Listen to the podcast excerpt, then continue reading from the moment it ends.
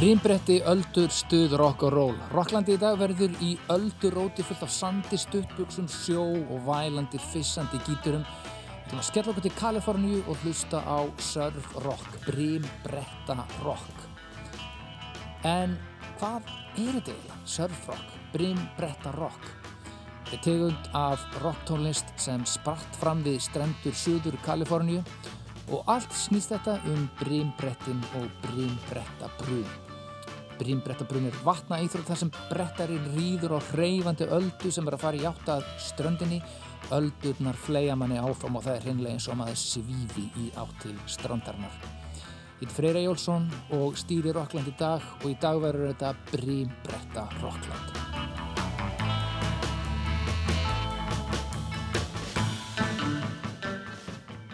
Brímbrettin eiga ætti sinna að rekja til Kirrahafsins og í nokkrar aldir var brímbrettabrunn líkilatriði í pólinísískri menningu. Hugsanlegt er að Európa-benn hafi fyrst komist að íþróttinni árið 1767 á Tahiti þegar enski sæfærin Samuel Wallis heimsótti eigina á áhöfninni sinni í júni það ár. Annar möguleik er sá að Joseph Banks, grasafræðingur, hafði komist að brímbretta bruni þegar hann lendi á Tahiti þann 10. april 1769 með James Cook á skipinu HMS, Andabor. James King liðsfóringi var svo fyrsti sem skrifaði um íþróttina brímbretta brun á Hawaii undir lok 18. aldar og þegar Mark Twain heimsótti Hawaii árið 1866 Þá skrifaðan á einhverjum stað rákumst við á stóran hóp nakina frumbyggja af báðum kynjum og misgamlir að skemta sér með þeirri þjóðulegu dægrastýkningu sem er brím bað.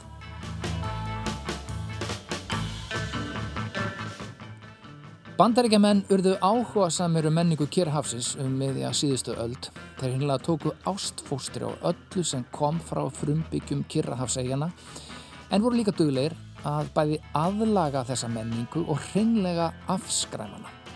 Til var einhvers konar bandarísk gerfi kirrahafsmenning og tíska sem gerðnan er köllið tíki.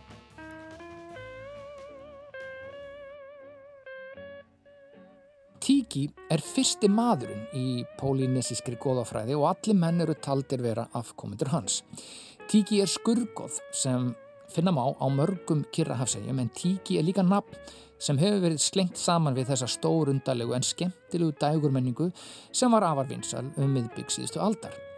Veitingastadir, barir, tónlist, húsgögn, bækur, myndir, född, matur og drikkir sem tóku mið á fór að stæla menningu kyrrahafsegjana þó með afar bandarískum og hvað skal segja furðulegum áherslum.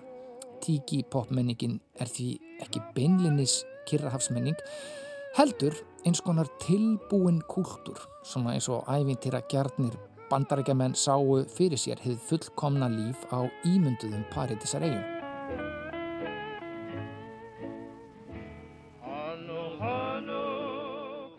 Tiki popmenningin hófst í bandarækjunum 1934 þegar ævintýramadurinn Don Beats opnaði pólinísíska veitingastæðin Don the Beachcomber í Hollywood. Hann hreifst að þessari menningu þegar hann syldum suður Kirrahaf og innréttaði nýja staðið sinni í þeim stíl með kókósnettum, trjátrömpum, exotískum skurðgóðum og grímum og spilaði Hawaii-tónlist. Hann böði upp á kínverska mat með bandarískum áherslum og lagði þar með grunninn að þeim svokallaða kína mat sem vesturlanda búar þekkja og nýja og söðræna koktela þar sem hann blandaði dísætu sírópi saman við ferska ávexti út í rom. Sá frægasti eftir vill Mai Tai koktillin. Staðurinn sló samstundis í gegn og Hollywood stjórnur keftust við að mæta. Bóðið var upp á koktela í sérstökum og sérmertum tíki í tremálum sem fólk mati eiga og taka með sér heim sem minnjagripp. Fljótlega var farað að opna aðra tíki, koktelbari og veitingastæði og menn stældu miskunarlust þessa hugmynd og þennan stíl Don Beats. Walt Disney opnaði skemmtikarð í anda tíki og keiluhallir voru opnaðir í tíki stíl. Allra augu og eiru fór að beinast að hinnu viðfæðma og dulafulla kirrahafi þegar bandarískir hermenn týndust heim eftir setni heimstyröldana með sögur og paradísaregar kirrahafsins í farteskinu. Þar sem sólinn alltaf skein, stúlgotna voru fagrar og segðandi og smjörið draup af hverju strái. Kontiki leiðangur Tós Heyerdal um kirrahafið vekti síðan tölverða aðtegli fólks á menningu og sögu kirrahafstjóðana James eh, Missinner vann Pulitzer-velinni 1948 fyrir bók sína Sögur úr söður Kirrahafinu sem síðan var söngleikur eftir þá Rodgers og Hammerstein. Tónlistamenn eins og Les Baxter, Arthur Lehman og Martin, Martin Denny blönduðu djassi við segðandi og exotískan tónheim með afrískum og kúbískum trommuslætti. Allt undir fagur, skreittum, strengja útsettingum og byggu til tíki tónlist sem kallu var exotíka eða jungle sem átti meðal annars heyra í tarsamyndunum og varð sömulegis vinsal kokteltónist.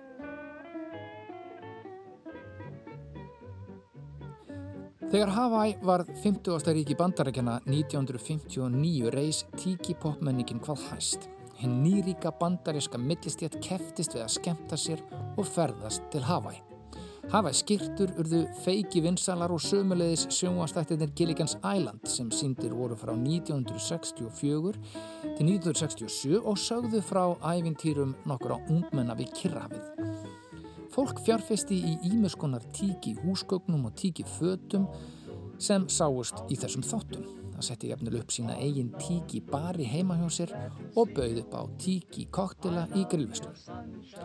Tíki æðið hjaðnaði þó en fór aftur að rýsa fyrir nokkrum árum í bandarækjunum og gamlir tíki bari lipniðu við og ekki bara þar heldur um allan heim enda er tíkimenningin skemmtilega fáránleg og ruggluð og fátt sumarlegra en að skella sér í smá tíki, fari hafaskirtu, södra ananaskoktel og kannski glamra smá á ukulele-gítar.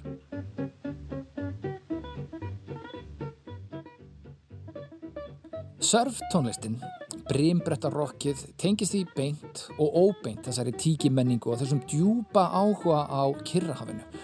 Og það var einmitt við strendur Kirrahafsin sem surftónlistin, eða surfrokkið, brimbrettarokkið, spratt fram í kringum 1962 í Suður Kaliforni. Það er annars vegar sungið Brimbrettarokk þar sem strandadrenginir í því Beach Boys voru í aðalhutverki og sungum Brimbretti og strandalífið í röttuðum rakara kvartett stíl með dinjandi rockbíti. Hins vegar var það instrumental Brimbrettarokk, reynræktað og óheflað gítarrock þar sem gítargarpurinn Dick Dale var í aðalhutverki. Og það er einmitt þetta olgandi gítar surf rock sem verður í aðallutverki hér í Rocklandi eða Brimbretta Rockland í dag.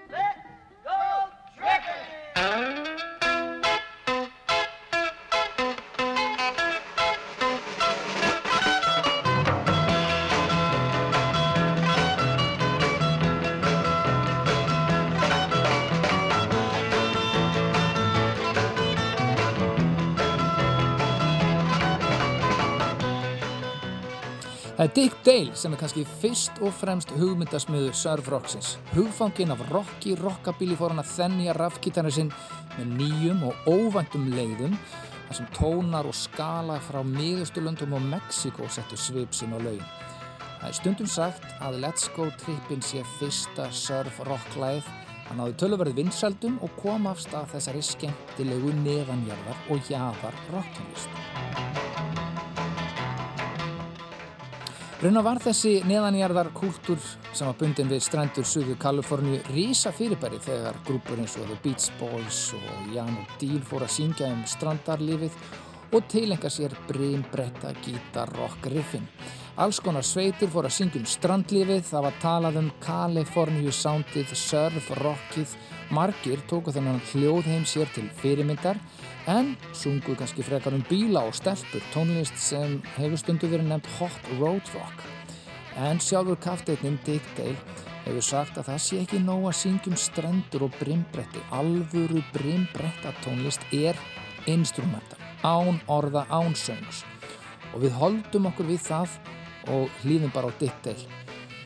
Surfrocki fór fyrst að heyrast í fimmunni undir lok sjötta áratögarins spratt upp úr frumrockinu hreinum og einföldum fjórða fjóratakti þar sem nýja hljóðfærið Ravmax gítarin var í aða hlutverki með blöytu, djúsi, Ravmax, reverb, Ravmax bergmáli sem mátti knýja fram í Fender gítarmögnurum sem komu fram á sjónasveiði 1961 eins og svo ofta áður ný tækni kallar á nýja tónlist.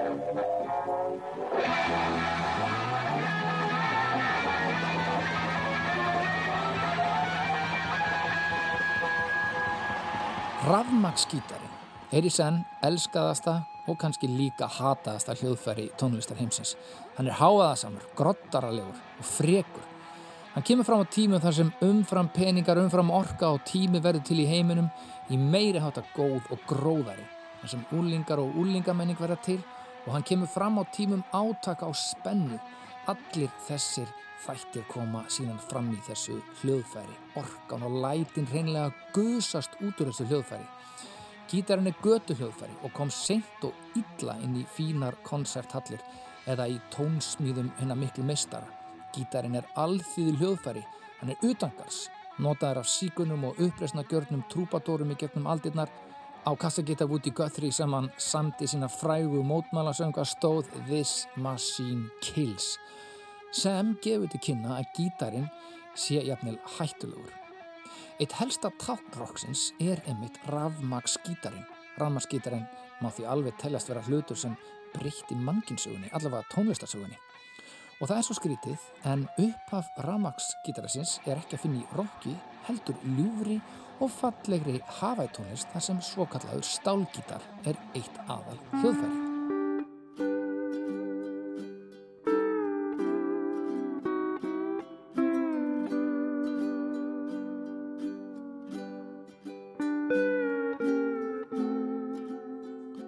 Byrjaði allt saman með þessu lagi, Sestu hérna hjá mér ástinn mín, sem er eftir Lili Ugolani sem eitt sinn var drottning og innvaldur Hawaii.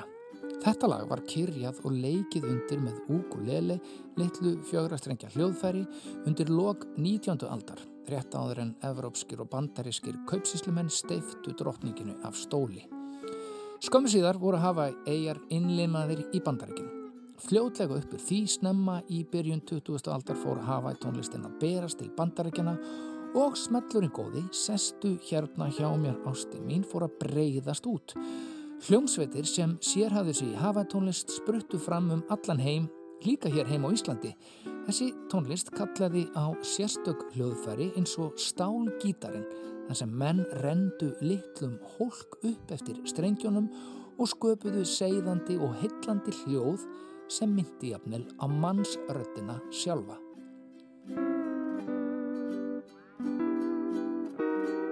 Gallin var eitthvað sá að þetta hljóðfæri átti það til að drukna innan um hávara trömmur og lúðra. Lausnin var því að magn upp hljóminn með einhverjum hætti og árið 1931 smíðaði George Beauchamp fyrsta rafmagsgítarin. Reyndar höfðu verið gerðar nokkrar tilrunir til þess að koma fyrir litlum pick-upum í fiðlum og banjón til þess að magn upp hljóminn og því gera margir tilkall til þess að hafa fundið upp ramaskítarinn. Einn af þeim var tónlistamæðurinn og frumkvöðlinn Les Paul sem gerði tilraunir með að festa hljóðunema við gítarinn en uppfinning Beauchamp þótti og var sennilega best útfarða lausnin, hann er óumdeinlega höfundur rafmaks gítarsins. Hann var bæði tónlistar og uppfinningamæður og gerði nokkrar furðulegar útgáfur af þessum nýja gítar. Að lokum fekk hann Rickenbacker elektrofyrirtæki til þess að framleiða uppfinningu sína. Þessi gítar var uppnefndur steikarpannan vegna þess að hann var eins og steikarpanna í útliti. Fyrst var gítarin smíðaður úr áli en fljótlega breyttan um form og lögun.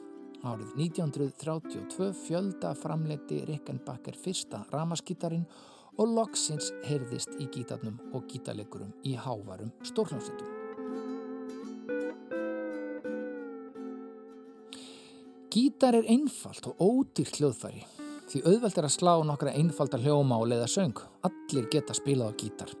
Fyrstir rafgítarin var kallaður Ropetin en fljótlega fylgdu aðri rafgítarir í kjálfærið. Dobro-gítarin ári síðar og árið 1934 voru rafgítarar frá Audiovox og National kynntil til sögunar og síðan fylgdu Epiphone og Gibson í kjálfærið. Og eins og áður sagði voru það fyrst og fremst hafa hljómsveitir sem tóku þetta hljóðfæri upp á sína arma.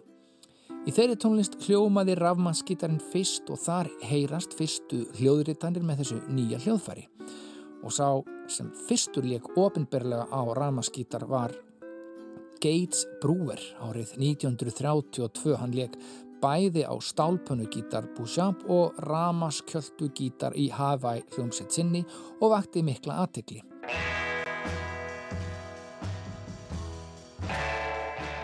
En aftur að surf tónlistinni sem er ríkbundin við þessa dásamlu uppfinningu og hljóðfæri rafma skítarnum.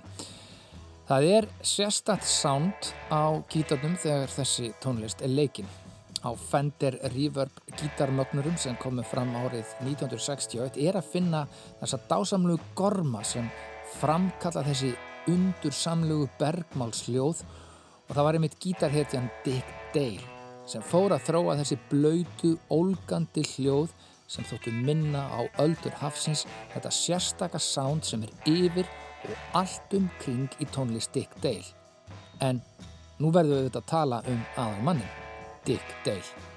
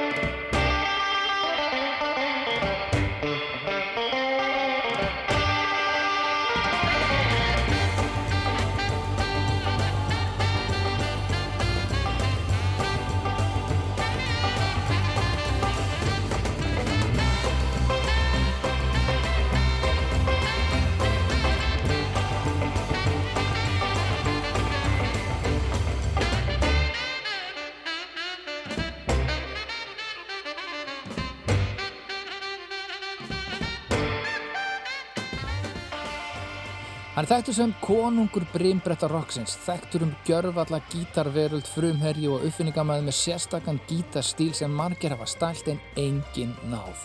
Því það er aðeins og verður aðeins einn Dick Dale. Fættur og nefndur Richard Monsor í Boston 1937, fadur hans frá Líbanon og móður hans pólsk. Hann var snemma hillar á tónlist, strengja hljóðfærum, en fjall svo fyrir Gene Krupa og viltum og brjálaðislegum trommuleik hans sem átti eftir að byrtast í viltum og hröðum gítarleik sem Dick Dale fór síðar að þróa. Fjölskyldan fluttist til Suður Kaliforníu 1954 og hann skrapp á ströndina og drakk í sig strandalífið sem var til þess að brimbretta rockið fór að verða til í kollinum og fyringurum þessa sérstaða snittings. Og afgörju er Dick Dale svona sérstæður. Hér koma sjö ástæður fyrir því. Tekinn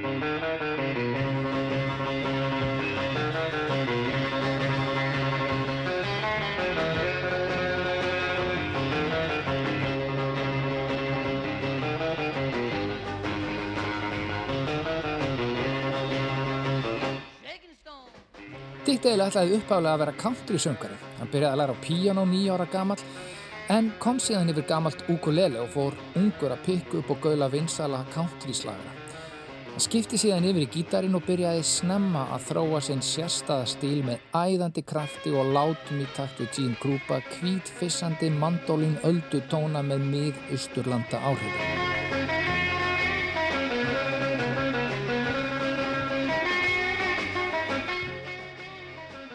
Dick Dale miskildi þetta allt saman og gerði allt vittlust og öðruvísi.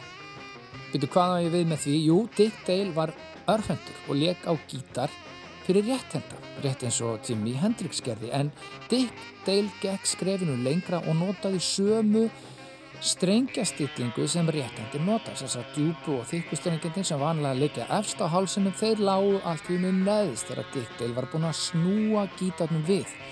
Það var sem sagt allt bókstaflega öfug snúið þegar hann leik á gítarinn.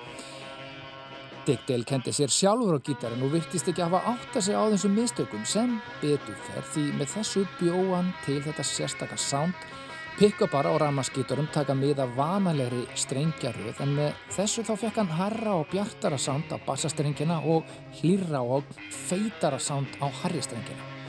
Síðan breytist auðvitað öll gítatækni með þessum öfuöka hátum, mistök og miskilningur leiðir nefnilega oft fólk á nýjar og spennandi brautir.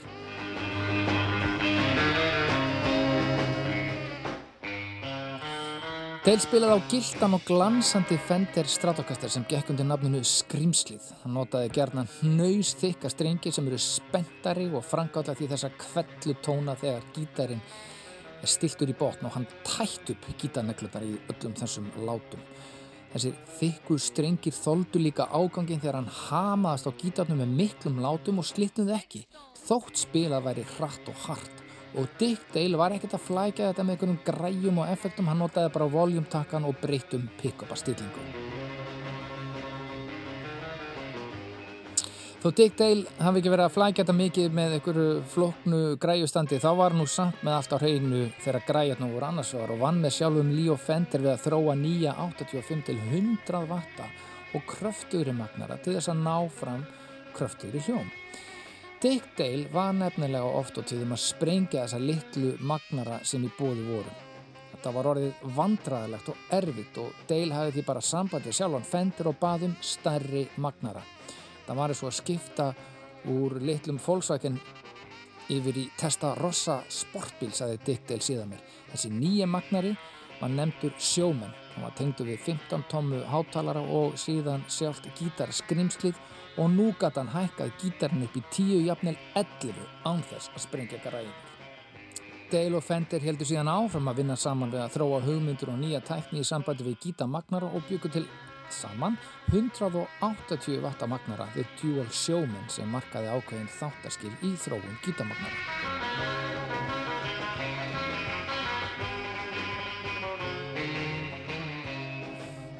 Reverb, bergmálið, endur ómerinn, þetta þykir sjálfsæður hlutur í allri hljóðtækni og hljóðvinnslu og ramaskítaleik.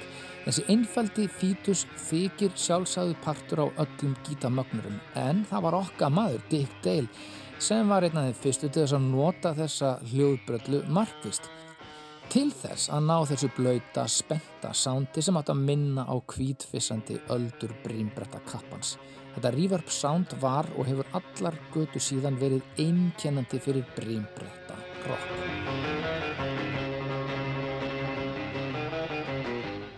Dick Dale hefur stundu verið kallaður fadir þungarokksis. Jep, það er ekkert annað. Þessi yfir náttúrulegi hraði og rafmagnaða sviðsframkoma hafði sín áhrif á setni tíma metalrockara. Einn af þeim sem lág yfir gítartekni hans og pikkaði upp Dick Dale lög var Eddie Van Halen og fyrsta lagi sem Van Halen lærða að spila var einmitt brimbrættalagi Walk Don't Run með brimbrættasveitir The Ventures. Síðan þegar tímileið þá var Dick Dale öllum glemtur. Hann spilaði á litlum klubum og börum þangað til að þetta gerist.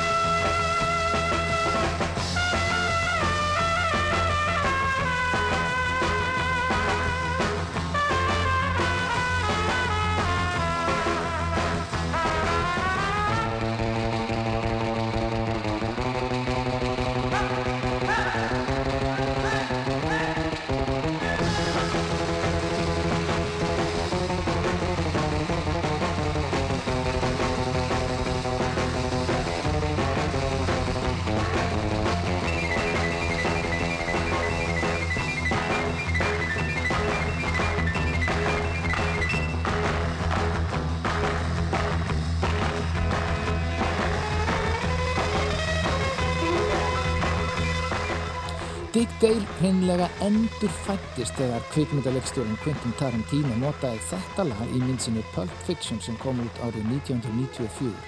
Þá sprakk okkar maður út og vinsaldur hans urði meiri en nokkru sinni fyrr. Þetta var raunar eftir langa og erfiða eigðimerku göngu.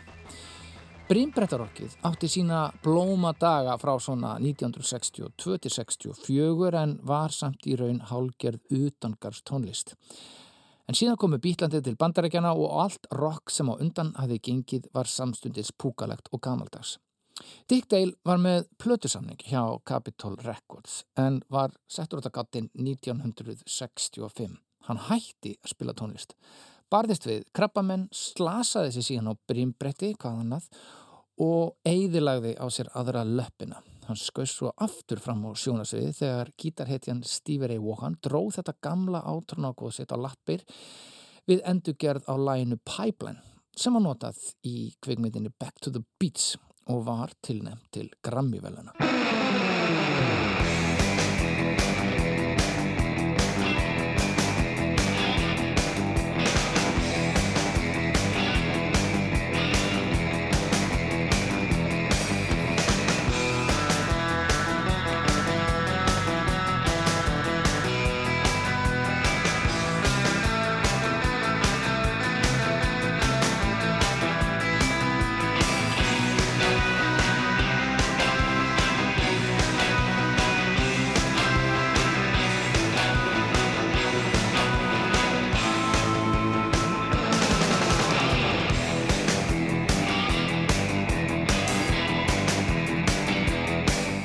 Var það kvikmyndin Pulp Fiction sem breytti öllu fyrir Dick. Þessi markfræga kvikmynd hófst á títrandi tónum í læginu Misselú og var samstundis eitt vinsalasta lag ársins og eitt þekktasta lag myndarinnar. Allt fór á stað. Lauginast Dick Dale fór að hljóma í öðrum kvikmyndum, sjóaþáttum og auðlýsingum og Dick Dale var rifinn aftur í stúdjóið og dritaði þremur nýjum hljómblutum og fór á tónleikaferð.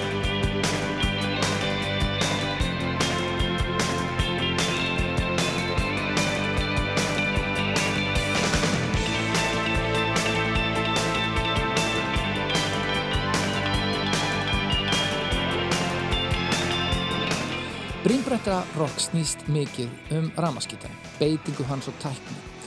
Hljóðheimur Brimbrekka rocksins er frár, einfaldur en afgerandi. Allt kallast þetta á við hennar frjálsu og töffarlegu Brimbrekka menningu. Frátt, einfalt, frumrock. Raf gítarnum var beitt með nýjum og óvæntum aðferðum. Sveifin var nú loks beitt af fullum krafti og tónarnir sveiðir sem aldrei fyrr upp og niður tremólan, rývörpuð og nýjir hljóðbreytar skektu og yktu tónuna. Ný hljóðfæri eins og Fender Jazzmaster, Jaguar, Stratocaster og Dan Electro tóku mið af þessum breytingum og þessi gítarmerki hönnuðu gítarna og alla hljóðtækni eins og pick-upana í þessa átt til að geta bæði náð fram skarpari harri sem og dýbri tónum. Brimbrettarokki var líka fyrsti gerinn sem tók rafmagsbassan í sína þjónustu og hinn klassíski Fender Precision bassi var sérstaklega hannaður fyrir Brimbrettarokkara. Saxaflótin þurfti að vera djúpur, rifin og ruttalögur, sömulegis hljómborðin og allt gert til þess að ná fram hinnum viltu og hættulegu tónum hafsins.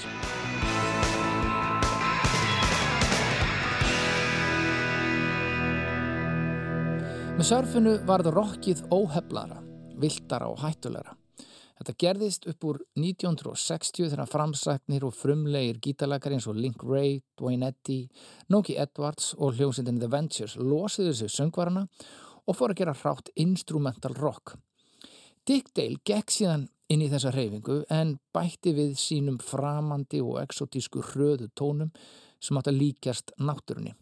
Hann var líka sjálfur brimbretta kappi á kafi í allri brimbretta menningu og var því sannlega konungur og guðfaðir brimbretta roxins. Á meðan Dick Dale töfraði fram sína tóna í Orange County skamt frá LA þá voru tánikanir í Bel Air satt undan við surfrockið skamt frá í South Bay, Los Angeles County. Fimmanna hljómsett, Dick Dodd á trommum, Kay Stewart á saxofón, Jim Roberts á piano, Eddie Bertrand og Paul Johnson á gítara. Það voru þessir tveir ungu gítarleikara sem kendu hvor öðrum og þróuðu instrumental gítarrock sem síðar átt að þeirra springa út með sveitum eins og The Shadows. Þeir hljóðrötuðu sitt fyrsta lag Mr. Moto 1961 og lagið slói gegn. Þótt að Dick Dale væri eldri, reyndari, snjallari, leki herra, eitt í stærri aðndáta hóp og séfislega guðfæðir Brimbretta Roxins þá vilja margi meina að það séu ungu drengirnir í Bellers sem eigi fyrsta slagaran í Brimbrettarrokkinu.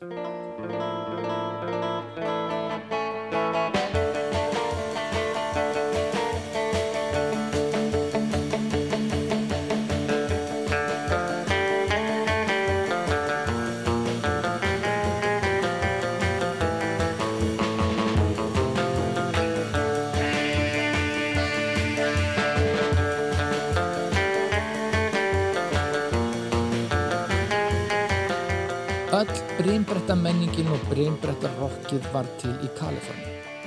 Það er eitthvað við þennan sólrika blett á vestuströnd bandarækjana. Þar vilist vera endalus uppspretta af uppfinningum, sköpum og hugviti.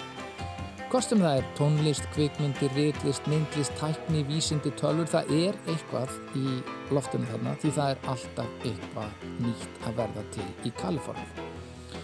Alls konar tónlistastefnir fættust og þróiðust í Kaliforníu. Psychedelian, hardcore, garage, rock, fusion, ímiskonar tilrunatónlist. Það er stundum talað um Kaliforníu soundið í rocki, poppi, country og hiphopi. Dick Dale, Deltones, Bellers og öll fyrstu brimbretta rockböndin komu frá söður Kaliforníu. Sér í lagi í kringum ströndina í Orange County. Þar hjekk allt surfara lið og hjekk á staðnum Rendezvous Ballroom. Þarna voru líka The Shantays sem áttu smettin Pipeline sem náði fjörða sæti bandariska vinsaldalistans í mæ 1963.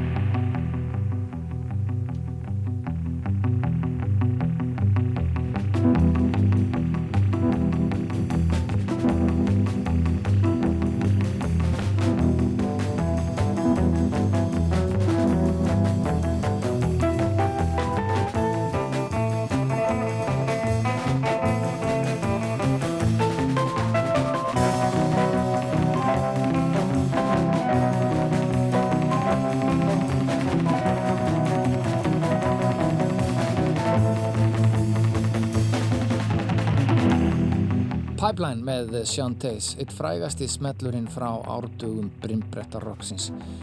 Eitt allra frægasti smellurinn í þessum geira og svo langlýfasti er Wipeout með hljómsveitinu Surfaris. Læði byrja með sérkynlegum og draugalugum hlátri, en líka dungtur fýtt gítar og trommusólu sem gaf fyrirheitum að rocki gæti teikt sér lengra í ymsar spuna áttir, eins og átt eftir að gerast nokkur árum síðar.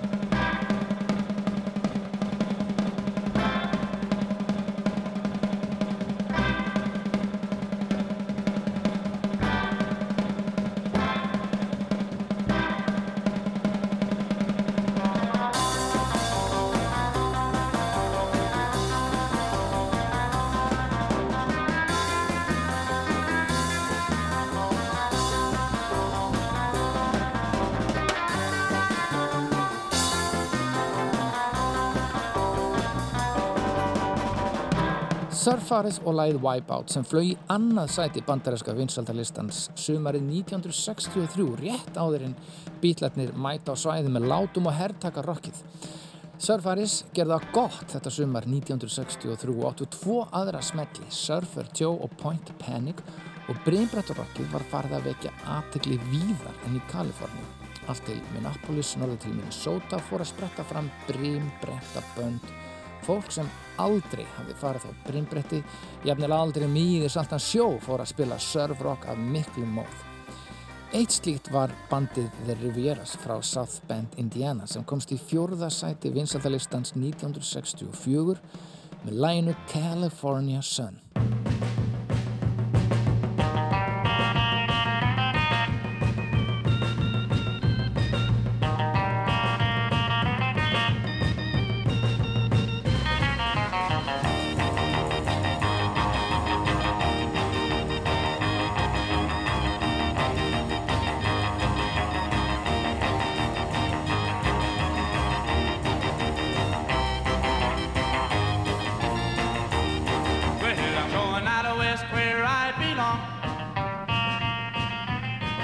For the days are short and the nights are long. Where they walk and I walk, they twist and I twist, they shimmy.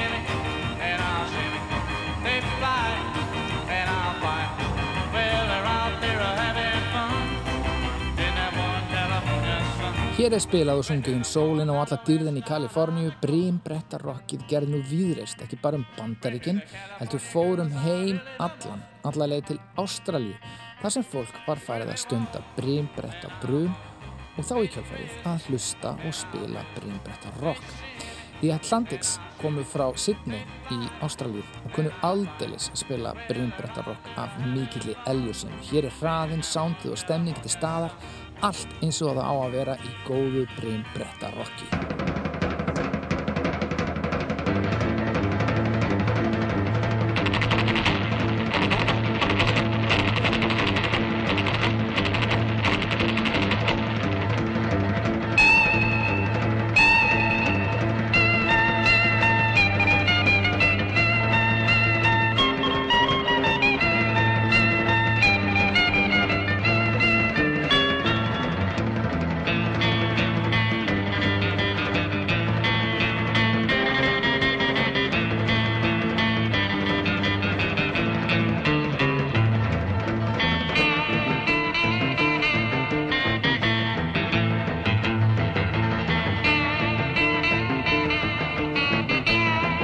Ástrálska sveitin The Atlantics og lagi Bombora sem var eitt vinsalasta lag ársins 1963 í Ástrálju. Eins og margar góðar surfsveitir þá kvarfún sjónum eftir að surfið fjallu tísku en með endur komu Brynbrettarokksins á tíunda áratökum í kjölfar myndarinnar Pulp Fiction þá snýruði Atlantics aftur og fór að spila og gefa plötur á nýjan leik. Frá Ástralju komi líka Denvermen sem áttulega er Surfside sem fór í fyrsta sæti ástrálska vinsaldavistans. Brimbrettarokki reynilega átti hug og hjörtu allra í Ástralju í upphafi sexunar.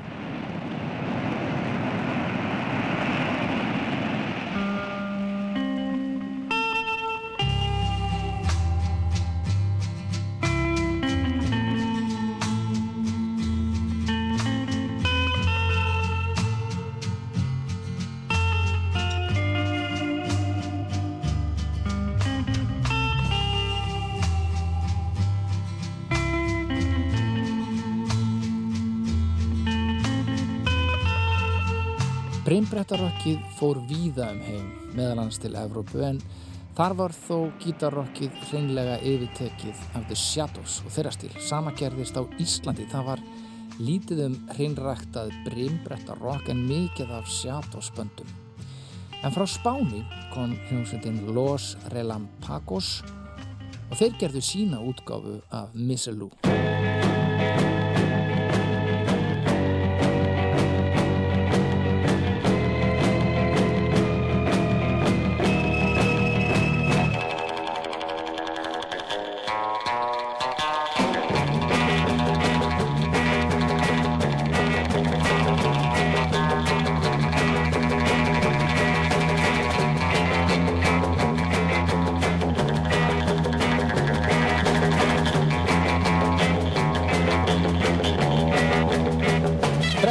Tónlistamæðurinn og Mössei bítnekkarinn Billy J. Kramer var hillar á hljóðheimi Brímbretta Roxins og gerði atluga því með hljómsveitinni The Dakatos í læginu Cruel Sea sem margar aðrar hljómsveitir coveruðu síðar.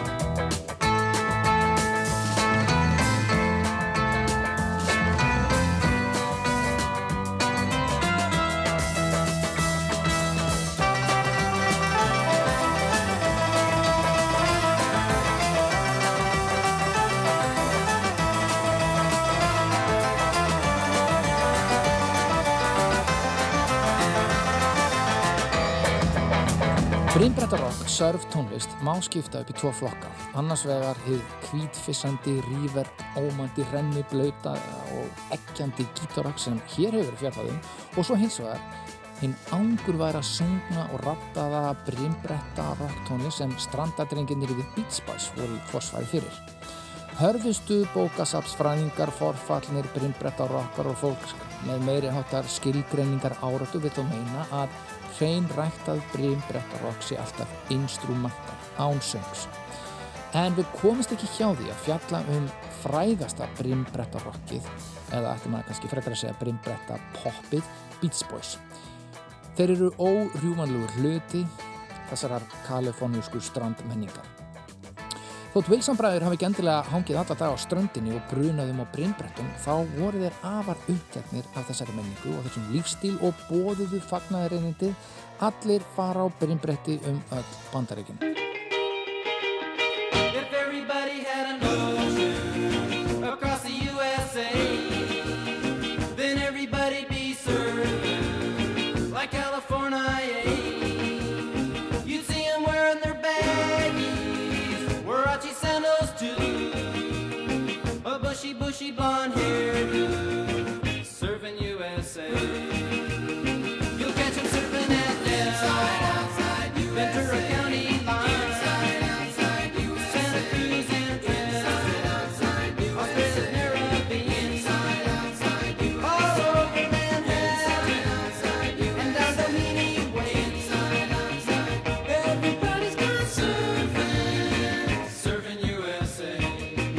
Brian Wilson, aðallaga hundu Beach Boys, óvennilegur innipúki og tónsnýtlingur fór aldrei á brimbretti og sjaldan nýra strönd.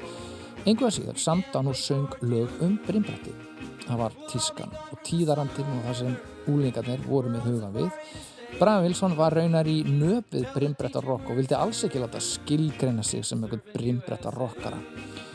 Brimbrettarokk var orðin ykkur allsherjar merkimiði fyrir alla sólríka tónlist frá Kaliforníu. Sungin sörtónlist er svo sem bara óskup vennileg dúvop tónlist, röttuð og huglu poplaug.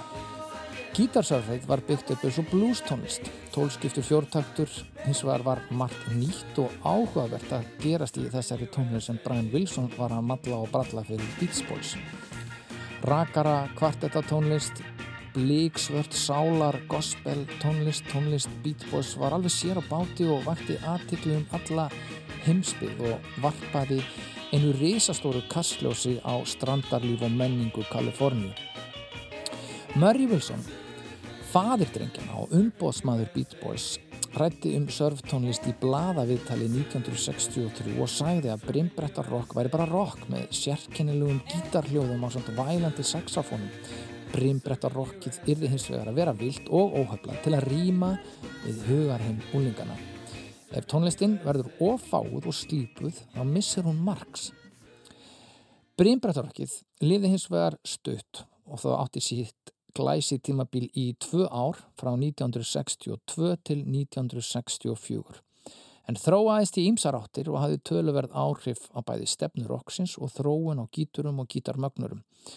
Þegar brimbrettarrokkarar urðu afhega brimbrettum leitaði hugurinn annað. Hot Road Music. Bílarokk þróaðist út frá brimbrettarrokkinu. Það var þó fyrst og fremst af áækjan plötufyrirtækja sem reyndu að finna þessari tónlist nýjan farveg. Í staðis að syngja og spilum brimbretti komu nú urrandi sportbílar á þeysiriðum Kaliforníu. Hreinræktuð rockmusik. Surftónlist var kokteil þar sem megin uppestadan var Dick Dale með dassi af Chuck Berry en nýja bílarokkið var að mestu Chuck Berry með dassi af Dick Dale. Í staðis að syngjum uh, vöksuð og slípuð brimbretti var nú sungið um hestöfl, þjöppur, veldur og handbremsubögur.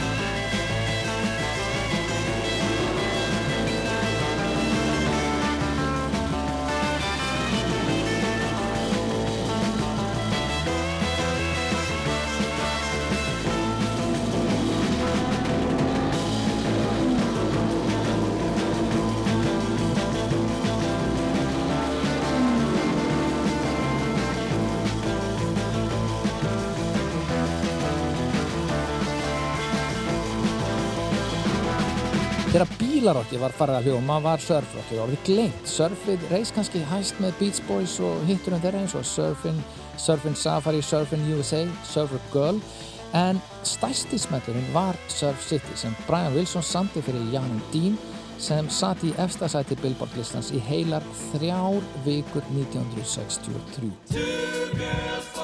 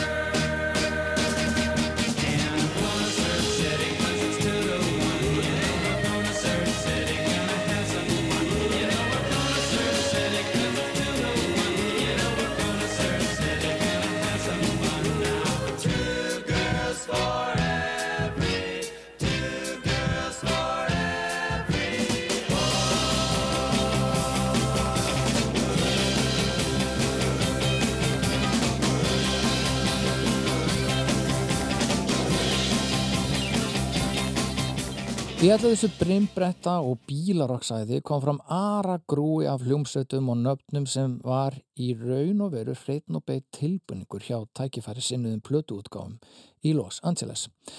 Oftar en ekki voru mennirnir á bakvið þessu nöfn þeir Glenn Campbell, Hal Blaine og Bruce Johnson sem sömdu, spiluðu og tók upp haug af þessari tónlist og gáfu út undir ýmsum nöfnum.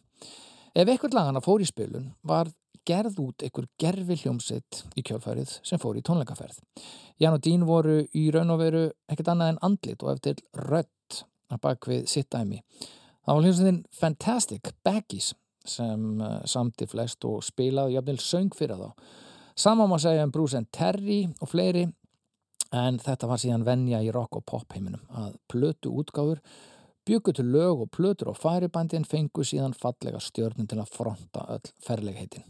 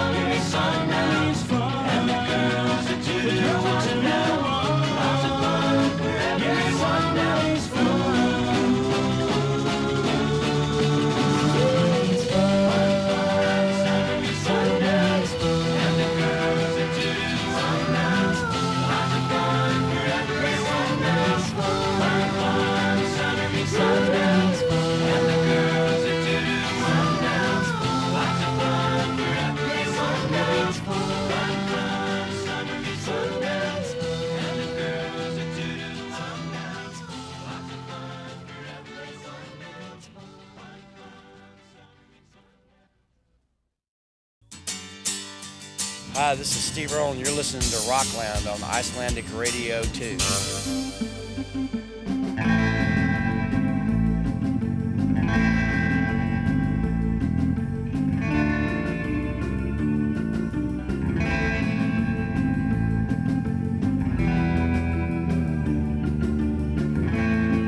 Það er ekki margar íslenskar brim rock hljómsveitir en jú, það er ein hljómsveit og hún heitir Brim hún var stopnið ykkur til mann í nýjunu á tíundu áratöknum og sá sem fór að stað með þessa hljómsveit var Körver og hann situr þetta hjá mér, blessaður Körver Sæll, blessaður.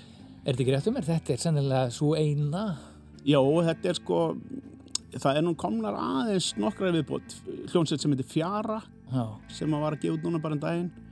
Og já, svona einstaka komið, en þetta við sem svona allan að fyrsta brimbróta rocksveitin og kannski aktífasta gegnum árin. og gáfuð út uh, hljómplötu og heldur tónleika og svona heldur upp með nafni Brimbrettar Roxins Já, já, það, spilum á böllum ekki líka, sem að var aldrei magnað að vera að spila sko svona surf, rock, allt instrumental, ekkert sungi sko á, á einhverjum mentaskólaböllum og, og tólugum og já, þetta var alveg hrikalega skemmtilegt sko. Já, og þar kom alveg bersinni í ljósa að þú hafðir stúdarað þessa músík og, og þessa gítatækni og þennan hljóð þeim. Hvenar kveiknaði þinn áhugi á Brimbrettarokki? Já, þetta er nefnilega eh, magnað, það, það er svona margir hlutir sem einhvern veginn komu saman uh, við gerðum þess að hérna, hvernig Brim var til þá var nýbúið að hérna, frumsýna Pulp Fiction það sem að er byrjar þetta á svo ótrúlega flotta lagi Missilú og maður var bara einhvern veginn algjörlega bara, Hvað bara er þetta eiginlega? Já, hvað, hvers konar músík er þetta? Því að hún innhjælt einhvern veginn allt sem ég fílaði. Það var, hún var sko rosalega kraftmikil og fjörug en líka rosalega melodísk og með svona mjög flottu soundi Mm og ósungin líka. Það er einhvern veginn sem að eh, hefur heitlað með alltaf daldið mikið, svona instrumental tónlist. Og ég var bara, eftir maður fór á Fiction, var bara, wow, þetta er geggjur tónlist. Síðan fór ég í hérna Japís og þar var Dr. Gunni að hérna vinna og spurði bara, heyrðu það eftir með eitthvað svona eins og svipa tónlistina í Fiction. Hann bara, já, hérna er geggjaður diskur og var svona sapdiskur með hérna sörtónlist og hérna fullt á öðrum, þótt að það sé kannski tvö, ég held að sé tvö þrjú sörflög í Pulp Fiction, þá var þetta alveg ótrúlega góður diskur sem að Dr. Gunni seldi mér. Að það voru sko gó- góður svona bæklingur með geislatilfnum og ég bara las þetta spjaldanum milli, hlusta öll lögin og síðan var þetta einmitt árið 95 1995 þá var sko uh, hérna verkfall í framhaldsskólum og hérna og þetta verkfall var alveg í fimm vikur uh, á sama tíma voru mamma og pappi að fara í fyrsta skipti í svona hérna skemmtisiglingu, svona cruise og hérna og voru í mánuði í burtu og voru búin að, veist skildu mig og, og bróðu minn eftir heima. Pappi var kokkur þannig að hann skildi eftir einhverja hundra hambúrgara fyrir okkur bræðina.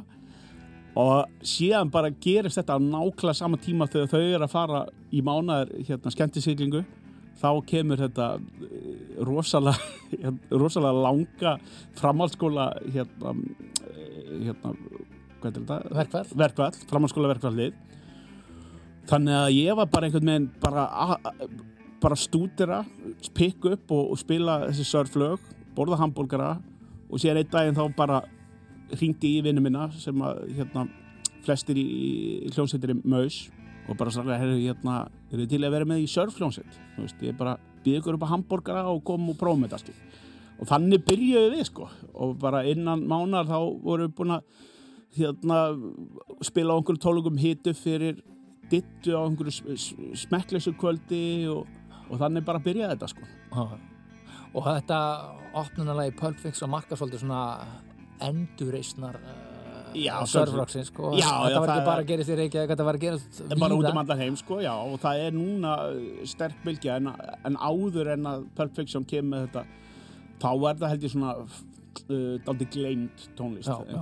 Af því að það sem er þetta magna við, við þessa, það sem ég kalla brimbretta rockið, sem er þetta upprunlega instrumental svona rá og melodísk tónlist en síðan kemur uh, s- brimbretta poppið sem er Mhm. þetta Beach Boys og það. Já, og það kannski svona lifði meira í minningunni. Þannig að fólk var svona já, surf tónlist, það er bara eitthvað Beach Boys þú veist, surfing, surfing eitthvað. Mhm, þannig að það gleymtist aðeins þessi instrumental þessi upprunalega tónlist. Og í Pulp Fiction kemur svona kröftul aftur, aftur inn. Og, og í bara bíómyndum mörg ára eftir á það var hérna uh, hvað hétt myndin? Desperado held ég. Mhm, uh, Þa, það er einmitt ótrúlega flott lag með Link Grey undir og þetta, hún hendar auðvitað þessi tónlist af því hún er instrumental, þá hendur Já. hún svo vel í bíómyndir þannig að það var alveg mörg ár eftir á að einhvers svona einhvers konar instrumental surf tónlist var í alls konar bíómyndir sko. En ef maður er að gera sörtónlist, Bríbratarokk, þú er náttúrulega tekið upp marga plötur upptökustjóri, útsetjari, gefið út marga plötur og, og hljóður þetta alls konar efni, rock, pop, þungarokk, tilhörnatónlist og, og raftónlist. Hvað, hvað, þar, hvað þarf að gerast til þess að hérna, ná fram þessum hljóðheimi? Þetta er sérstakur hljóðheimi. Já, já, þetta er sérstaklega hljóðheimur og, og þegar við vorum að taka upp brimplötuna, þá var ótrúlega mikla pælingar hjá mér, sko, og mér er sem mjög þröngt svið sem ég hef áhuga á, ég hef aðalega áhuga á- áhuga á ameríska, hérna, já, bara West Coast surfinu, Mhm. frá svona 1961 til 1962, það, er ekki, það er ekki stór rammi þar, sko, svona, já, þessi byrjunar á þegar við vorum að taka upp plötina þá gerði ég og Danni trommari alls konar tilraunir, við settum hérna handklæði yfir bassatrommu pedalinn til að hann er svona einhvern dempaðri og tókum upp trommuna með, með einhverjum bara tveimu mikrofónum uh, síðan hérna var maður að fá lána alls konar gamla gítamagnara fekk lána hjá Vitta í Trapantala einn, alveg hann. Þannig að það þarf að vera gítarsandi skiptir þetta ótrúlega miklu máli. Mhm. og síðan er líka í mixinu þá er þetta mjög ofta þetta ykta stereo. Þú veist bara gítarinn er öðru megin og, og hérna trommunar er kannski bara öðru megin eða eitthvað slíkt. Þannig að þetta er ekkert má ekkert endilega vera eins vel mixað og, og hérna ráktónlist dagsins í dag eða, eða, Mhm, mhm. eða nýjandur þannig að við vorum daldið svona það var þetta rosalega mikið indie rock og nýbylgja í gangi í vinahornum þannig að 95 og þetta var einhvern veginn allt, allt öðruvísi sko maður vildi ekki ná kröftu trómusandi ekki ná Mhm. hérna En fyrst þú talar um það, Já. að þú veist, indie rockarar og punkarar, þetta fólk fekk á þessari tónlist, því hún er mjög óhefluð og, og svona gróf og Já, þetta er hún- svona, Þetta með að við rock og pop sem var að taka upp á þessum tíma, þá er þetta mjög svona bara, já þetta er rosa kraftmikið og rosa pönkað. Já, og það sem er ótrúlega heillandi við þetta þetta er pönkað en samt melodíst og, og hérna og það er eiginlega aldrei svona magna að band sem að ég er svona sem að emitt eins og Shadows og Ventures uh, Amerikumegin þetta, sko, ég er enda þóld aldrei hérna Shadows, sko, aðeins og clean cut, sko. Og síðan eru Ventures uh, Ventures hafa alveg rosalega áhrif á öll, öll böndin, öll surfböndin alveg eins og Shadows hafði rosa mikil áhrif hérna í Evrópa áður en að bítlanir komið, það var bara vildi allir vera Shadows bandi sko, síðan kom bítlanir 62 og bara það reynsaðist alveg út. Uh, í Ameríku þá eru Ventures rosalega, þeir eru ótrúlega færi uh, hljófaralegarar og ótrúlega melodíst en síðan komið að surfböndin og þeir eru svona lélegri versjón af, Ventures sem er einfaldara laglínur og aðeins punkaðara stöf og ég með sko uh, fíla svona sumt með Ventures en, en ekki allt af því að þeir eru einhver bara svona það- þeir eru aðeins of slick sko, þeir eru aðeins of, það vantar aðeins í þá. Mhm, þannig að í rauninni er surfið eru einhverjar unglingar hljónsettir sem er að reyna að vera eins og Ventures en er ekki eins góði en eru með meira svona, e- meiri grettu í sér og, og þetta er svona einfalt melodíst og síðan soundið, þú veist, það, það er alveg uh, sérstaklega svona marker sem er settið við að hvenar fyrsta surflæg að tekið upp sem var actually með þessu spring reverb. Dwayne Eddy hefði tekið upp áður svona, hann var úr tvangtónlistinni sem ég stúdariði líka mjög mikið, það er aðeins og sveitaleg tónlist mhm, þessi tvangtónlist, hann tók upp inn í einhverjum oljutank til að fá reverbið sko. En það er einhvern veginn þetta, þetta, það kemur þannig saman einmitt. Pönkaðar útgáður af, af Ventures mjög melodíst, geggja sound mikil svona drifkraftur. Já, og síðan er sko þegar maður fer að lesa sér til um þetta og stúdur þetta þá er svo magnað eins og með Wipeout-læði sem við tekjum á trómunum mhm, það er einu algjör svona hefni að þetta lag var tekið upp sko. Uh, trommarinn var í svona kvartningaliði eða svona cheerleader, hvað heitir það svona já, kvartningaliði skólans í svona fótbolta. Og þetta var bara svona trommukatensin fyrir skólan sko. Skilur. Og þeir gerði þetta einfalda lag þannig í kringum með það. En, og það átti að vera saxofón í því en að því að saxofónleikarinn var bara 15 ára þegar þeir fengi að fara í stúdíó einn eftirmynda og mamma sleiði honum ekki að fara með skilur. Þannig að ég vissum að ef það hefði verið saxofón því þá hefði ekki gítarinn verið í aðhlutverki og það hefði ekki verið svona mikið surflegt sko.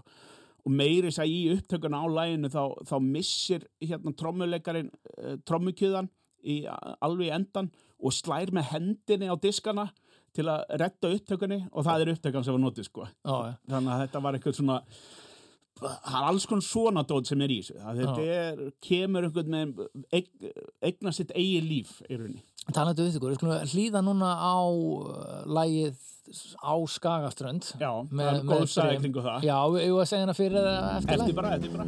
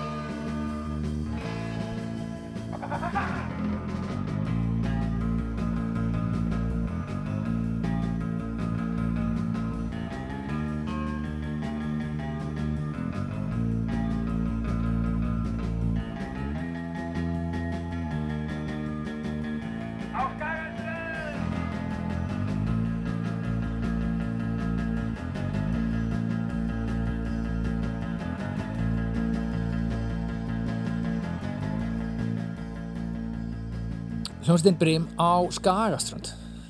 Hvað hva er að gerast hér? Þetta er alveg, þetta er bara fyrsta lagi sem að Brim sönduðu.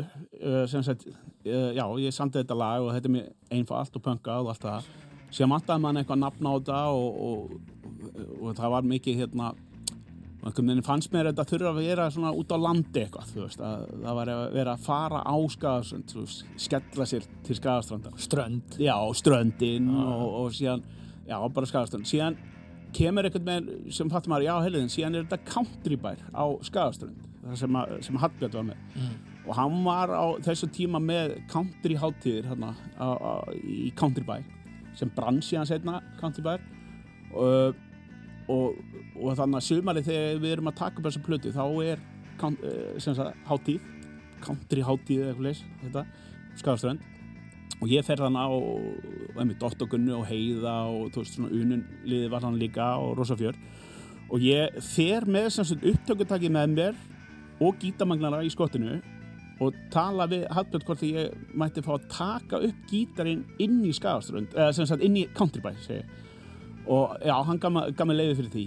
Og, og ég var búin að díla við hann að taka upp á sunnudegi eitthvað og hérna og síðan bara um nóttina er ég á okkur rosa balli þannig og þá pekar hann í mig herrið, þú þarft eiginlega að taka þetta upp í nótt. Það er hérna, það er eitthvað að nota út á stöðuna morgun. Og ég bara, shit, ok, læ- læt bara renna mér og fyrir nægi græðunar og síðan tengi ég þetta þarna og, og, og tek upp og, og þegar ég kveiki á þessum gamla lampamagnara þá bara kemur útvarp countrybar bara beint í gegnum gítamagnaran þá var hann svona pikkaðan upp var bara eiginlega eins og útvarps viðtæki Þannig ég þetta byggja Hallbjörnum að slökkva út af Countrybæ um nóttina á meðan ég tók gítaranninni og, og ég tók hann upp þannig gítarinn að, að hafði mikrofónu langt frá þannig að reverbið sem við heyrum er sem sagt reverbið eða ómurinn inn innan úr Countrybæ. Þannig að þetta var rosa pælingar sem að var í þannig sko. Og hérna og síðan fekk ég daginn eftir ha- hérna Hallbjörn til að segja einhverjum svona hluti og var með svona lítinn diktafón með þessu pínlitlu kassettum alveg leilegt sánd í þessu og spurði hann hvort hann var til að segja einhver svona nokkur íha og eitthvað, það, það heyrist þannig Já, en að þetta var svona það var ótrúlega mikið ævintýri í kringum hvernig við tókum upp plötuna og alls konar það er eitt lag þannig sem heitir Nætuvagnin heitir upprunalega Night Train og til dæmis þá var Næturvagnin gangi hérna uh, Strætóin uh, sem, sagt, sem er held ég nýbyrjar aftur. Og ég tók sem sagt tók hennar litla diktafón og tók upp heila ferð í nætuvagnum sko, fór nýr bæ og tók upp sem var með faldi mikra, eða hennar diktafón á mér og tók upp einhverja, tekið 50 mínútur eða eitthvað leys þóttist það döður alltaf þess að enginn myndi bögga mig. Og síðan hraðaði ég á þessar upptöku alveg tífalt eða 20 falt ég meðan ekki hvað, hvað mikið. Þannig að verður bara svona, suð. Og er í öðrum hátalanum þegar maður hlustar á lagið nætuvagnin þá er maður að hlusta á líka heila upptöku af nætuvagnin að fara í gegnum hérna, frá, frá miðbænum upp í árbæ sko. þannig að alls konar svona vitlega sem er gangi en aðla fannst okkur líka bara gaman að prófa alls konar nýtt já, veist, já. hafa skrítin mix að því að e, í þessu upprunalega sörfið þá er þetta oft mjög gróft upptekið til dæmis pipeline-lægi sem er ótrúlega fallegt það er eh, svona eitt af fáum lögum sem hefur slegið gegn sem er með það sem kallar svona upside down mix í rauninni er, er hérna hljóðblöndunum þannig að það er aðalaglínan er miklu læri heldur en bassalínan. Þú veist þetta er þetta bara einhver mistök það er bara verið að flýta sér þannig í gegn að- taka upp kannski tvö lög þetta var rándýrt á þessum tíma. Þannig að bassin er eins og Ba- gítar. Já, bassin er Og gítarinn eins og bassi. rytm, Rytmagítaran er miklu herri heldur en sólogítarlega Já, og síðan mjög oft eru þú veist bara trommuna öðrum megin eða bassinu öðrum megin allt eitthvað svona mjög hérna, misskilningur. þannig að við bara tókum það og reyndum að ge gera einhvern veginn þannig sko. En náttúrulega aðal hönnuðurinn að þessum hljóðheimi og aðal uppfinningamæðurinn er Dick Dale. Já, hann er hérna, vinur minn Dick Dale ég uh, hitti hann tvisar sko. Og hérna Dick Dale þetta sko kemur einmitt með þetta sko þú veist með þetta sko ótrúlega kröftuga sound. Dick Dale kemur þetta með þetta rosalega kröftuga sound gítarsound af því að hann var að spila á stórum böllum þú veist, það voru þúsund manna böll einhver stað þar sem var að spila í Bel Air einhverju, einhverju partybæ þannig og hann þurfti að ná gítarsándinu yfir því að það, þannig er hennu gítarinn aðaladrið þá þarf gítarinn að vera hæstur veist, hann, það er ekki hægt að hafa hann svona bara undir niður og við sjáum myndir hérna bara uh, gamla myndir úr, þú veist, af tónleikum á þessum tíma til dæmis hérna bara frá sjallanum eða eitthvað, þú veist, það er eitthvað pínu lítið gítar, þú veist, fremst á sviðinu og síðan er öll hljónsveitin bara ómæguð, skilur þannig að það er magnina hvernig fólk afar okkur og ömmur hafa farið á ball og það var bara ekki, kannski bara röddin aðeins upphækkuð sko.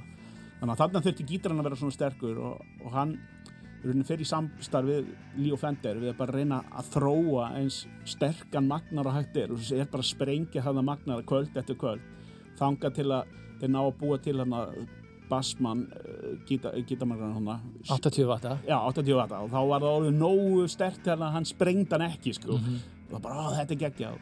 Og á þessum tíma er einmitt þarna er uh, gormaríverbið komið í Magnara sem er einmitt hermir eftir svona já, þetta með þess að kalla ennþá í dag bara svona blöytt sound Mhm. bara, þú veist, og það, það er alveg svona sé hálfgeitt svona droparhljóð í helli eða og, og stemningi síðan þessi, þessi keirandi instrumenti stemning þú veist, maður sko, maður getur alveg vel ímyndað sér að maður sé á brimbretti að þú veist, á hraðferð niður að þessari öldu og það er bara náttúru elementin sem þú ert að fást við og það er sem Dick Dale talaði með mörg, mörgu viðtölum að það væri það sem er svona keirað náfram að hann var að fást við náttúruöflin og var einhvern veginn að reyna að þýða það fyrir áhaldurna. Hann var alvöru surfari hann síðan uh, á eldri árum hann, hann var átti hérna var byrjar að fljúa líka uh, átti einhverja snáka og tígristýr sem, sem hérna gælidýr þannig að svona ótrúlega mikið svona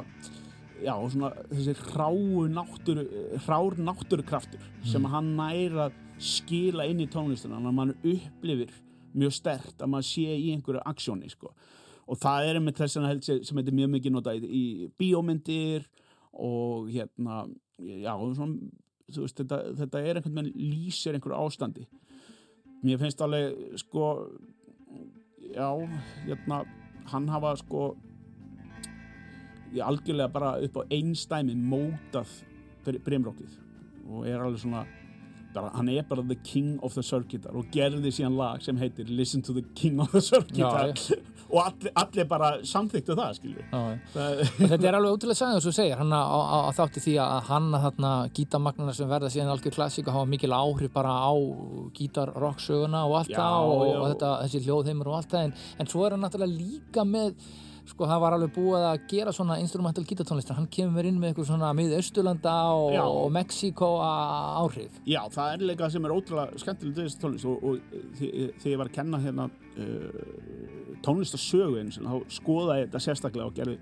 ótrúlega góð, góðan tíma um surfrocki og það er einmitt þannig að þetta er að gerast á vestusturönd Ameríku þar sem eru þetta Hollywood líka þú veist, bíómyndaðinarinn Þa, það eru komið svona hljóðeffektar og það eru komna líka í Kaliforníu eru þetta mikil spænsk áhrif og hann eh, hérna eh, frændans var uh, af austurlensku bergibrotin og kendunum þetta Miserlúla sem er þetta bara þjólag hérna, líbans þjólag sko.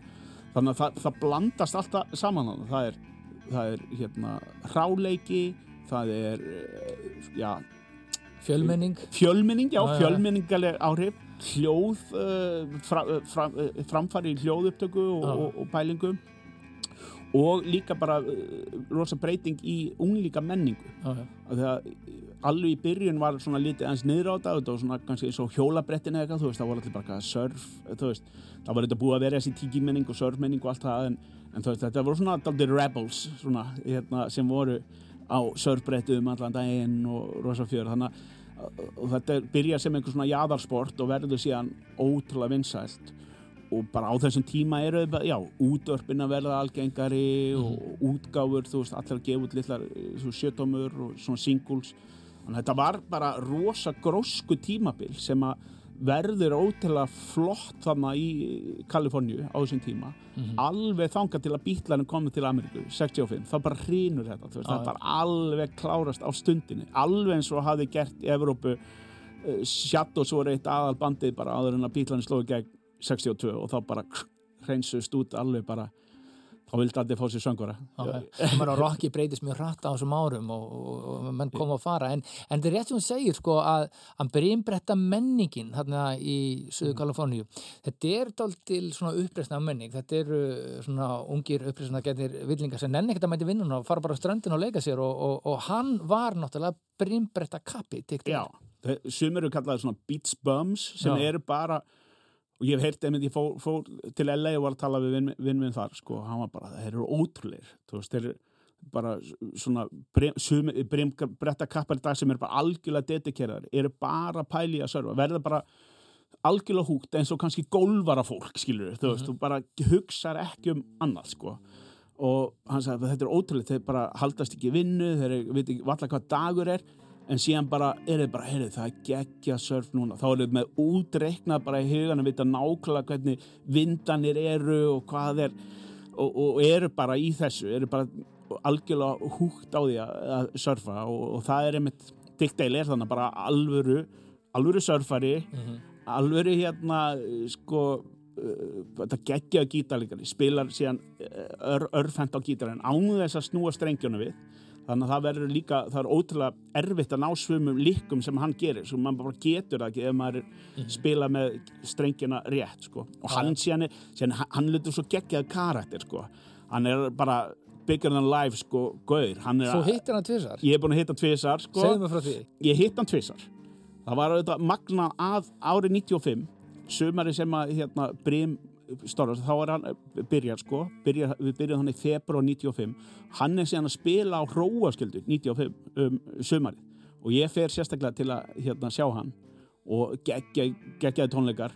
Og reverb tækið hann sem að reverb game eða svona gorma gamerinn hans hann var svona hengdur úr bandi upp úr sviðinu þannig að hann myndi ekki hristast svo það kem ekki svona en svo heyrum í byrjun á, á Wipeout það er búið svona hrista gítamennina þannig að smellir í, í gormunum þannig að það var alveg magnað að sjá það svona, eins og þetta væri einhver svona reverb-tæki frá Guði og bara svona reypi, þykkt reypi utan um eitthvað reverb sem fór upp. Hann var alveg geggjaðar hann sko. Og hann spænir alveg gegnum neglur sko bara gítarneglur, hann spila svo rætt og með svo þykka strengi og hendir svona dick deil neglum alltaf úti. Og ég náði að grípa henni og hún var sko bráð alveg svona eins og maður hefði rent henni eftir gangstjætt eitthvað, hún svona kurlaðist upp sko. Átt hann að það? Já, hann en þó, ég notaði henni á þeim lögum sem er eftir Dick Dale á, á brimplötunni. Síðan á ég líka einhverja hérna Link Reynög sem ég notaði á Link Reyn lögunum. En ég er alveg bara þarna mættu bara í hafa skirtu og hvítum jakka og bara alveg on fire sko að sjá hann. Síðan er ég bara, ég verð að hitta hann ég verð að hitta hann. Og fer eitthvað hann til hliðar og sem ég sé er eitthvað svona kannski þryggja metra hátt hérna uh, eitthvað svona uh, gerðing sko og er eitthvað svona bara mikið að pælja í og, og það er nángið hann sem er bara að pissa við hliðin á mér á hana veg og er sem bara, you're thinking of jumping over og ég bara, já, já, I'll help you og hann bara, gaur sér bara ég er hann bara í einhvern rosa surf klæðnaði strax eftir tónleikur hann bara, hefur þessi gaur allar að hoppa yfir sko. hann hjálp, hjálpaði hendi mér hann yfir sko. Og ég hitti akkurát þá er Dick Dale í viðtali við einhvern gaur og ég bara svona blanda mér inn í kráti eins og sé partur af, af þessu krú að taka viðtali við hann. Og síðan er viðtali búið þá segir bara hei, Dick Dale maður taka hendina þér. Fekk einandar árdun og eitthvað bara æðislega að hitta mikill fenn og eitthvað. Og síðan eh, fer hann inn í tjald eftir, eftir við erum búin að spjalla og svona. Og þá er ég bara einhvern veginn eitt þarna bara mjög greinilegt að ég á ekki að vera þarna í einhverju rosa surfötum og þá kemur einhver vörður og hendur mér út sko. Ég var stressaður með þér hent bara út af allir hátin en hann, hann skildi þetta vel, hann bara svona leiti mig út í, í krátið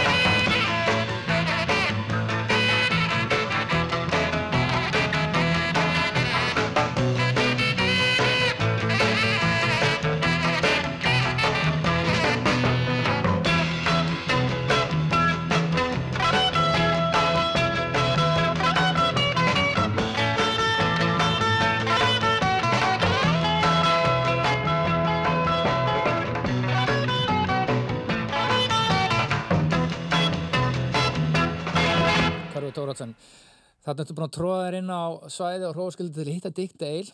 Og Já. hérna fegst einandar orðun og, og náði að og- grípa eina gítarnögg og einan ögl en, en svo hittur hann aftur. Já, nokkrum áru setna var ég í London og hann var að spila eitthvað rétt fyrir utan London. Og ég tek bara lestina til að eh, fara á tónleikana þar og, og þurfti að fara sem sagt eftir strax eftir, ég þurfti að fara áður en tónleikana lauk til að hérna ná lestinni tilbaka til London þannig að ég var bara svona skjótast úr annari ferð sem ég var í sko. Og síðan hérna eh, þannig ég, ég spyr sko hann er ótrúlega, var ótrúlega generous með það að þú veist, hitt allt aðdóndan tala við alla og þannig að þetta svo mikið, var svo mikið gítar-íkon það er svo margir sem vilja ræða við hann um alls konar. Og síðan er hann einmitt eins, eins og sagði hann að hann er svo stór karakter hann er alltaf þú veist, hans huga þú veist, þá bara kendi hann Jimi Hendrix á gítar, skilur og hann bara fann upp bara, uh, hérna, Fender gítar nánast, þú veist, það, það er allt aðeins svona íktara hjá honum, sko. Og, og þetta er alveg geggjað sögur, sko. Aðal ástæðin fyrir að hann fór að gera instrumentatónlist er að hann var að spila í einhverju ísbúð og hann söng sko í byrjun og hann er hræðilegur söngvari, sko. Og það var einhver sem sagði hann bara, bara haldu kjafti og spila á gítarinn. Og hann fór bara heim og var bara "Já, ok, hérna.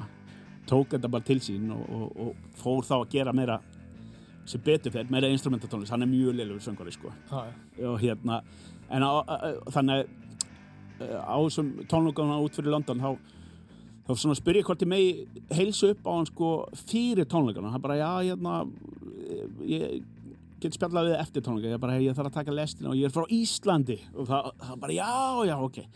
Og, og hitti með hana og ég tala eitthvað við hann og gefa honum disk og, og hérna spjall eitthvað við hann og hann gefur mig einhverja gítarnögl og bara mjög hress sko mjög næs hérna svona afa típa sko þú veist, samt alveg í svona þykkum leðu og, og er, byrjar að gera mjög þunga tónlist þarna sko. Síðan kom dóttir hans að spila á trommur á tónleikunum, svona gestur sko og var hún einhvers þar í námi í Breitlandi eitthvað. Og það var ótrúlega magna sko, hann, hann spilaði alltaf með svona þryggjamanna bara hann á gítar bassalegari og trommuleikari alltaf, alltaf bara ungur trommuleikari og ungur bassalegari meira svona metal típur í rauninni sko, þetta var svona búið að herðast alltaf tónlisti hjá honum.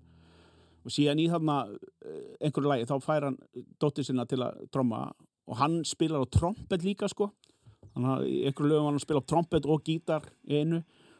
Dóttir hans kemur og spila og hún var sko betri heldur en trommuleikar en hann sko, hún var geðveika trommur sko þannig að maður bara, wow, þetta er ótrúlegt gengi og, og þá var bjóan einmitt þannig í einhverju eyðumörk fyrir utan eh, fyrir utan LA sko með þessu tígristýrisun og fljúa þetta er alveg ótrúlegur náðungi sko Já, já. Þannig að ég, hann var rosa næs og, og, og það eru geggju viðtöl við hann sem hann alltaf útskýra með ótrúlega mikla pælingar og vann mjög mikið með fendur og svona en Já. maður þarf alltaf að taka þetta með smá hérna, saltkotni hérna, hérna það sem hann segir sko, það er alltaf aðeins ítra yfirdrifið maður með mikið attitúd og það heyrist alveg í gítarleiknum já, og, og náttúruöflin alveg á miljón í honum sko En þú náttúrulega stúdera bæði hljóðtækni og gítara og allt þetta og tónlist, Hva, hver var nördarspurningin? Hver er, væri nördarspurningin? sko ég held ég hafa einhvern veginn spurt hann um likkið í King of the Circuitar sem er alltaf það er ógeðslega snúið að gera þegar maður gera það vennilega sko. Já, og mann spurði hann eitthvað í það og síðan bara eitthvað þetta vennilega þú veist maður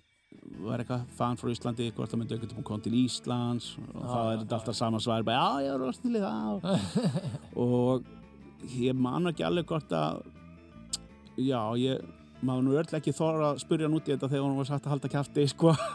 En það er margt til í þessu, hann hafði áhrif á Já, já. gítara og gítara magnara og, og fleira og slikt þessi og, tónlist og, og sko fyrir utan bara soundið sko þá líka bara stílinn hans að spila þetta hefur þetta síðan bara uh, bein áhrif á speedmetalið sko Já, já. þú veist, tæknið með að spila svona rosalega svona doppulpicking svona hratt Hmm.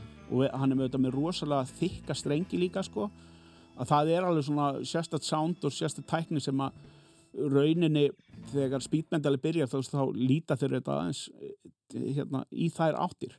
Og líka þetta að nota hérna uh, austurlenskar og melodýr og, og, og spænskar og þú veist, það er svona er algjör svona já, bara algjör suðu pottur þarna á þessu tíma þegar surfið byrjar og hann er einhvern veginn bara svona holdgerfingur þess, hann, hann er allt þetta, skil, hann er surfari hann er að pæla í nýju soundi hann er að í nýjum aðferðin að gera tónlist blanda saman fjölþjóðlegum áhrifum og, og síðan bara töff gauð, skilur, þú veist, hann var að spila, sko, ég held að það verið sex kvöld vikunar, böll, hann í Bell Air, sko, þúsund manna böll. Þú veist, þetta var bara crazy, sko. Mhm.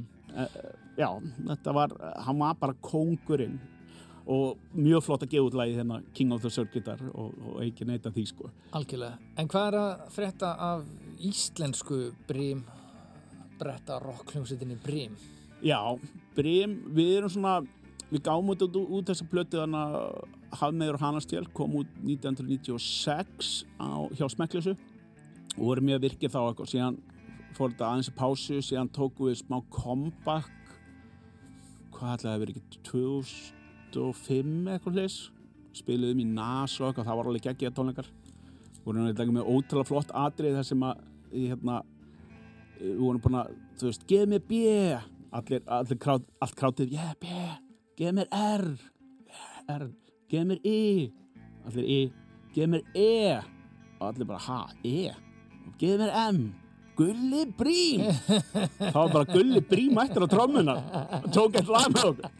Þannig að það var alls konar svona gríni gáki sko var þannig að það, það sem hefur sko við ætluðum að sko uh, endurútgefa plötun okkar á vínil á 25 ára amalinu við náðum því ekki sko að vera ekki á 30 ára amalinu en síðan er, eru við með svo mikið lögum sem að í þessum ég held að það sé búið að vera tvö eða, eða svona ekki beint comeback, þú veist, það var bara einstakar sinnum dettur að þannig þegar ég var færtur þá fekk ég strákarinn til að spila með mér í færtursamlunum og þá eru búin að æfa upp einhver lög og þá bara heyrðu ekki að tók, taka nokkuð gig í kring, skilur uh, ég held að við ætlum að kannski eitthvað að prófa að æfa núna í vetur og, og því við eigum slatta lögum sem að værum til að gefa út á uh, annari plötu, sko. Já, það getur vel verið að koma út önnu plata með Brim. Já, með svona 30 ára millibili, 25 ára millibili. En þú þátt að æfa það á gítar.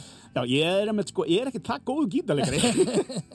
Þannig að alltaf þegar við byrjum eh, sem sagt, er ákveðið eitthvað við þurfum að spila þá þarf ég alltaf að byrja sko vika undan hinnum strákanum að pikka upp lögin aftur og ná upp hraðanum að því að þú veist, að ég er ekkert að spila dagstaglega sko, þannig að ég þarf að fara í svona sérstakar æfingabúðir fyrir hvert einasta. Að maður þarf að ná upp hraðanum Og þú þátt að vera með sér gítar og sér magnara Já, og allt maður þarf að vera hreinu. allar, síðan þarf maður að sapna sko, að við heitum sko svona nöfnum sko Já. í bandinu sko, þá heiti ég Bibbi Barti Já. og síðan er Danni Beat, Kafteit Skeggi og Óli Raki sem heitir sko Óli Raki og, og, og þá þarf ég alltaf að sapna sko börtum og, og, og hérna Raka sko vera með ógeðslega flotta barta já. sem er rosa skrítið þegar einmitt þannig kringum færtusamali þetta fór mér svo ekki hérna í, kringum færtusaldurinn með, með rísastóra ótrúlega oddkvassa barta og síðan var ég að kenna um leið skilur, allir, allir nefndir bara hvað er þennan gauð? Allt fyrir sjói já, allt fyrir sjóði sko. En hvernig gítar notar með Brim? ég er, ég er Jaguar maður sko alveg bara hérna Og það er surfgítar já, það er svona þetta var einmitt þetta jazzmannstur og Jaguarinn sko, sko jazzmannstur var auðvitað gerði fyrir jazzara en, en einlega virkaði ekki þar skilur en Jaguarinn var gerði fyrir sur- surfliði sko og þannig að jazzmannsturinn var svona hérna, endur, endur hérna svona markasettur fyrir allt surflið og þeir eru svona það er kallað off-center hann hann, hann er svona á skáhönnun á honum og mjög svona nýtísku lögur og er einmitt akkurat kom út hann 1961-62 þegar surfrið er í gangi þá það, maður verður eiginlega að vera með þannig gítar sko. Þú veist, uh, þótt að Dick Dale noti Stratocaster þá, þá er svona uh, official svona surf gítarin er annarkot uh, Jaguar eða, eða Jazzmaster sko Karver, takk fyrir spjallið um, um hérna, þín Brimbretta Rocks ár. En, en hérna, við ætlum að heyra hérna að lokum lag með Brim sem er eitthvað dásamlegasti titill á íslensku rocklagi. Það er hérna tvöfaldur hemmi í töfrasóta Já, þetta er, þetta er sko sérstaklega drikkur sem að ég og, hérna ég vann alltaf í uppvaski í Perlunni og það var þjótt uh, hérna sem að vann með mig og við vorum búin að finna upp þennan geggjaða drikk sem var sko tvöfaldur hemmi og í töfrasóta og þetta er alveg bara aðal drikkur hérna brimbretta rockaran á Íslandi. og hvernig er uppskriftin? Já, það er leindi, le, leindi uppskrift sko. Karver, takk fyrir spjallið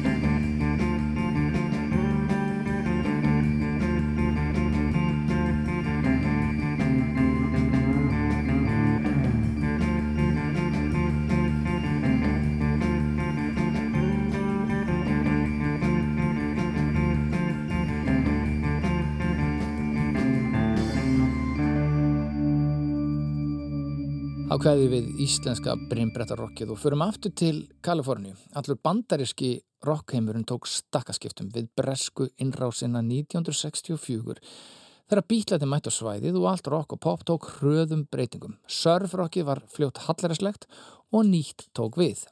Rátt, bluesrock, psychedelian, hipparockið, Beach Boys voru fljótir að skinja þessa breytingar og yfirgáfu ströndina og brimbrettin endanlega og fór að gera þróaða poptónlist á blötinni Pet Sounds og vorum tíma eina bandariska sveitin sem gæt með einhverju móti átt mótsvar og átt keppni við bílana. En þótt brimbrettarrokkið hafi liðundi lók og ekki rísið upp með látum fyrir en 30 árum síðar sem eitthvað kvöld fyrirbæri, þá rötuðu áhrifin víða Hljóðheimurinn vakti áhuga ímissa tónlistamanna.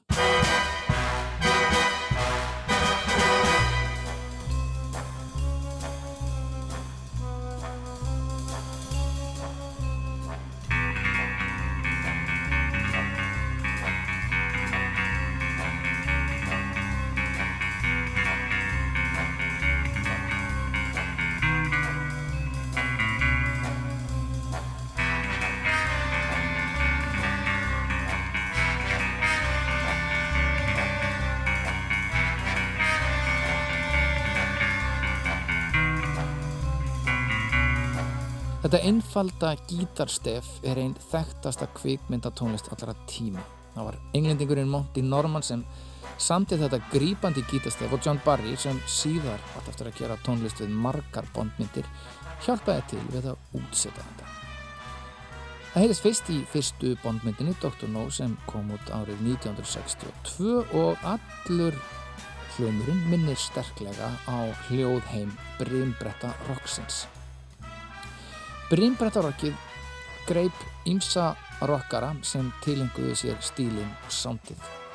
Surf Punk reys upp í síðsjöfunni og byrjun áttunar. Sveitir eins og Forgotten Rebels, Agent Orange og fleiri punkarar sóttu í þetta gamla, grófa, einfalda gítarrock sem endur speklaði margt af því sem var að gerast í punkinu. Tónlistamenn eins og Keith Moon, East Bay Ray í Dead Kennedys og Joey Santiago í Pixies sóttu vísvitandi í surfrockið í hljóðfærarleik og lögum sínum.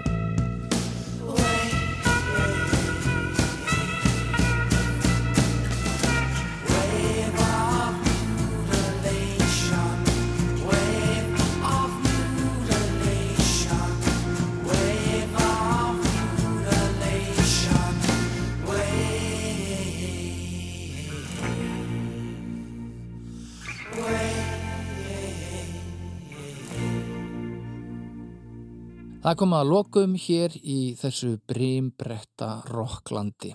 Öldur hafsins líða hins vegar aldrei undir lok og söngur hafsins mun hljóma og óma um eilífa tíð. Ég heiti Freyra Jólfsson og þakka þeim sem hlýtu.